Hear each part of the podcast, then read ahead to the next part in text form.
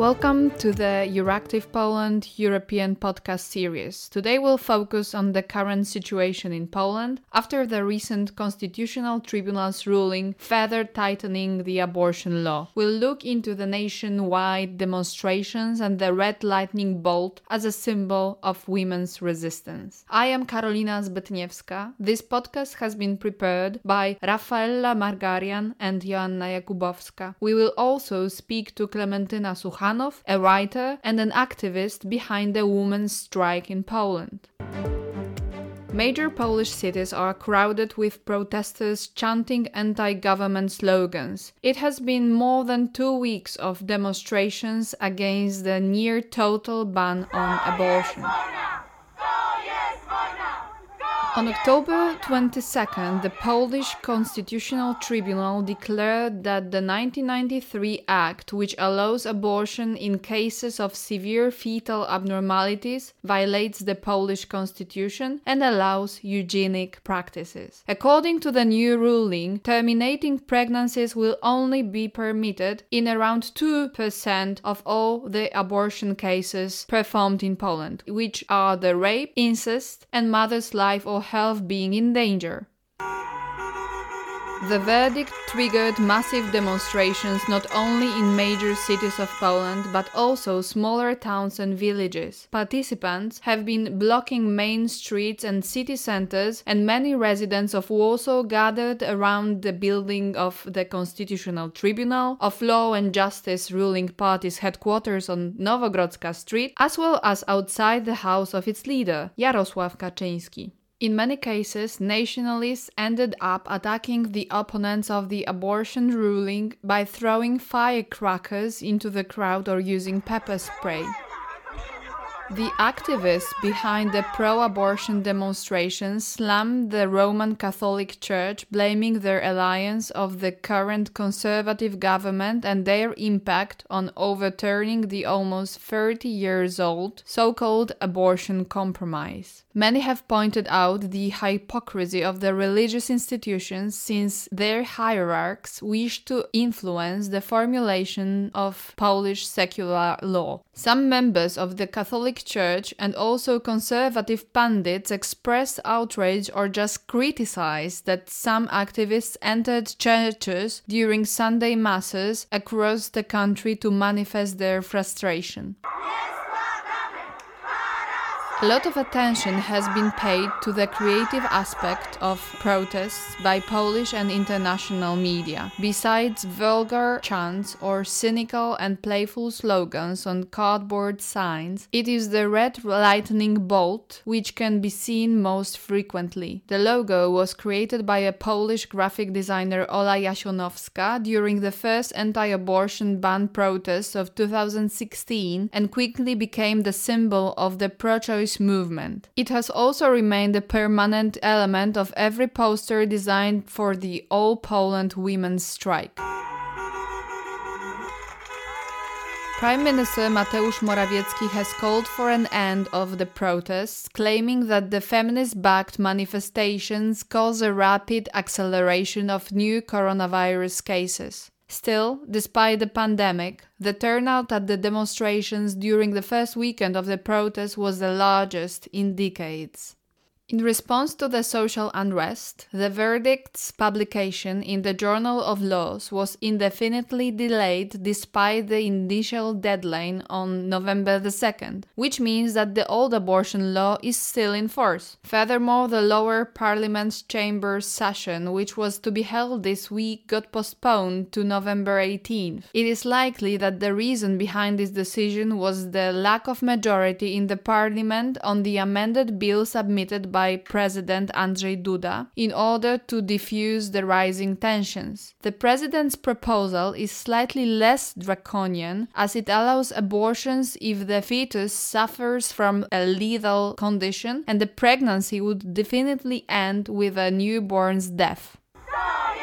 On the 1st of November, Marta Lempart, the leader of Women's Strike and main initiator of the movement, announced the launch of Consultative Council. Just like its Belarusian equivalent created by Svetlana Tikhanovska, The organization gathers main opposition figures. The council prepared 13 demands, including women's rights, improvement of children's mental health care, protection of the LGBTI people's rights, propaganda and disinformation free media, secularization of the state, and, last but definitely not least, the PiS government's resignation. During a press conference, Marta Lempart said that the demonstrations are not limited to women's rights advocates. As she pointed out, many professions and segments of Polish society have been affected by the pandemic, which is why the next step will be the general strike. According to her, the state is inefficient, especially in regard to healthcare services. This is why she gave an ultimatum and demanded that the government must try transfer the funds from heavily financed church and national media to the crisis ridden healthcare system.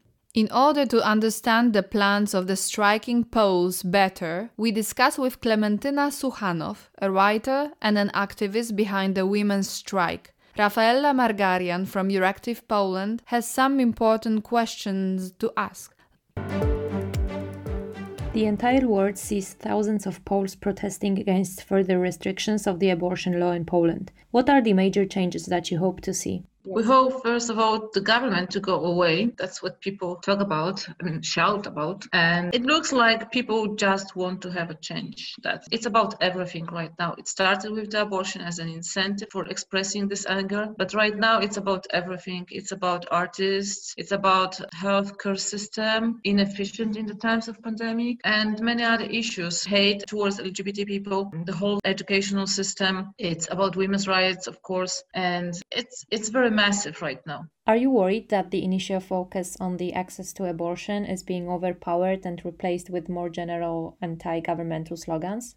No, no, this is not our worry. We are women's strike, so we'll always take care of it and we always fight of it. We are just taking more responsibility on us because looks like people's demands have no channel and people believe that women are the force right now around whom they can gather somehow. No, I know that this argument is presented everywhere right now, but we are women's strike. How we can forget about our issues? There's no way that we can forget about it. Without full respect and attention to women's rights, nothing's possible in Poland. Of course, the current political power, which is PiS Party, is not able to comply with our demands. So for us, we are anti-governmental, like others. So that's the common point between us, and there's no discussion or dispute about it. We are anti-governmental as far as the government doesn't like to comply with our demand. There's no problem on this ground. The problem is that other parties, even so-called liberal parties, are not always equally fully convinced that women's rights are important for humanity, but it's taking them time. And we've seen a process uh, since 2016. And there have been many, many situations when we were making pressure on them, also the oppositional parties. In last elections, for the presidential elections, uh, there was a candidate that was coming from the one of those parties, the Civic Platform, Rafał Trzaskowski, on whose agenda women's rights were the first point on the list. It shows that this issue becomes more and more more important and more and more understood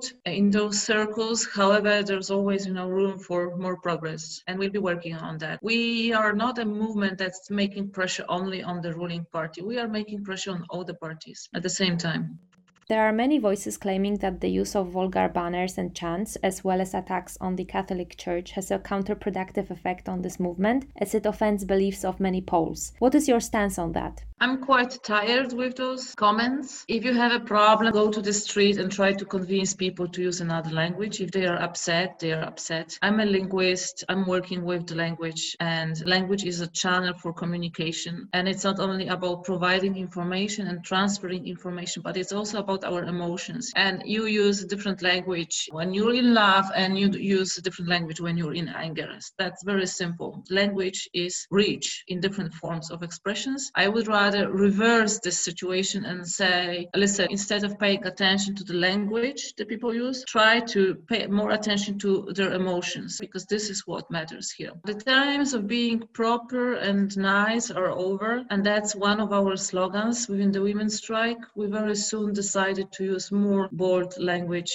to create a contrast between the lies of the government, the polite words they use that cover actually bad intentions, and to be more expressive and using street language. And that's our tactic, in fact, also because this war is also about language. How would the protests be conducted in case of further restrictions due to COVID-19 pandemic imposed by the Polish government? The protest started in the pandemic time and we have more restrictions, okay, but it doesn't look like people want to resign from their freedom of expression. If they took this risk in times when health and even life is at risk, put at risk by COVID, that's showing quite a lot about humanity, I say, uh, that there are other factors or other values that are more important for people than just health and death, which look like the extreme, but it shows uh, there's something more than this. We see it in Belarus, we see it here. And it's not the only place right now where protests are taking place because the United States and so, and there are places where COVID has much more victims than in Poland, but still, you know, the will of people to protest is very strong. So, you know, there's no way to forbid people to express their opinions. There's no way, even the lockdown, the pandemic, and uh, I don't know, death even is not enough. My last question is How can the European community support Polish people in fighting back for the women's freedom of choice and against one of the strictest abortion laws in the European Union?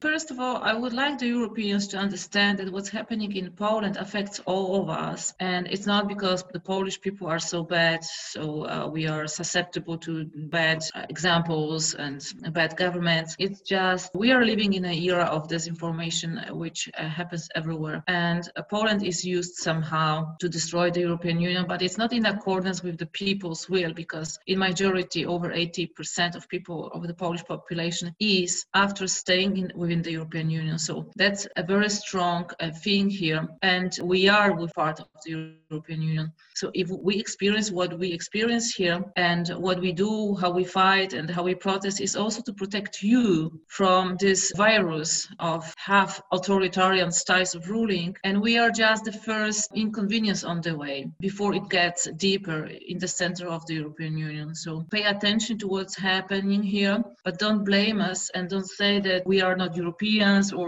we don't deserve to be here. We do. And we are fighting also for you.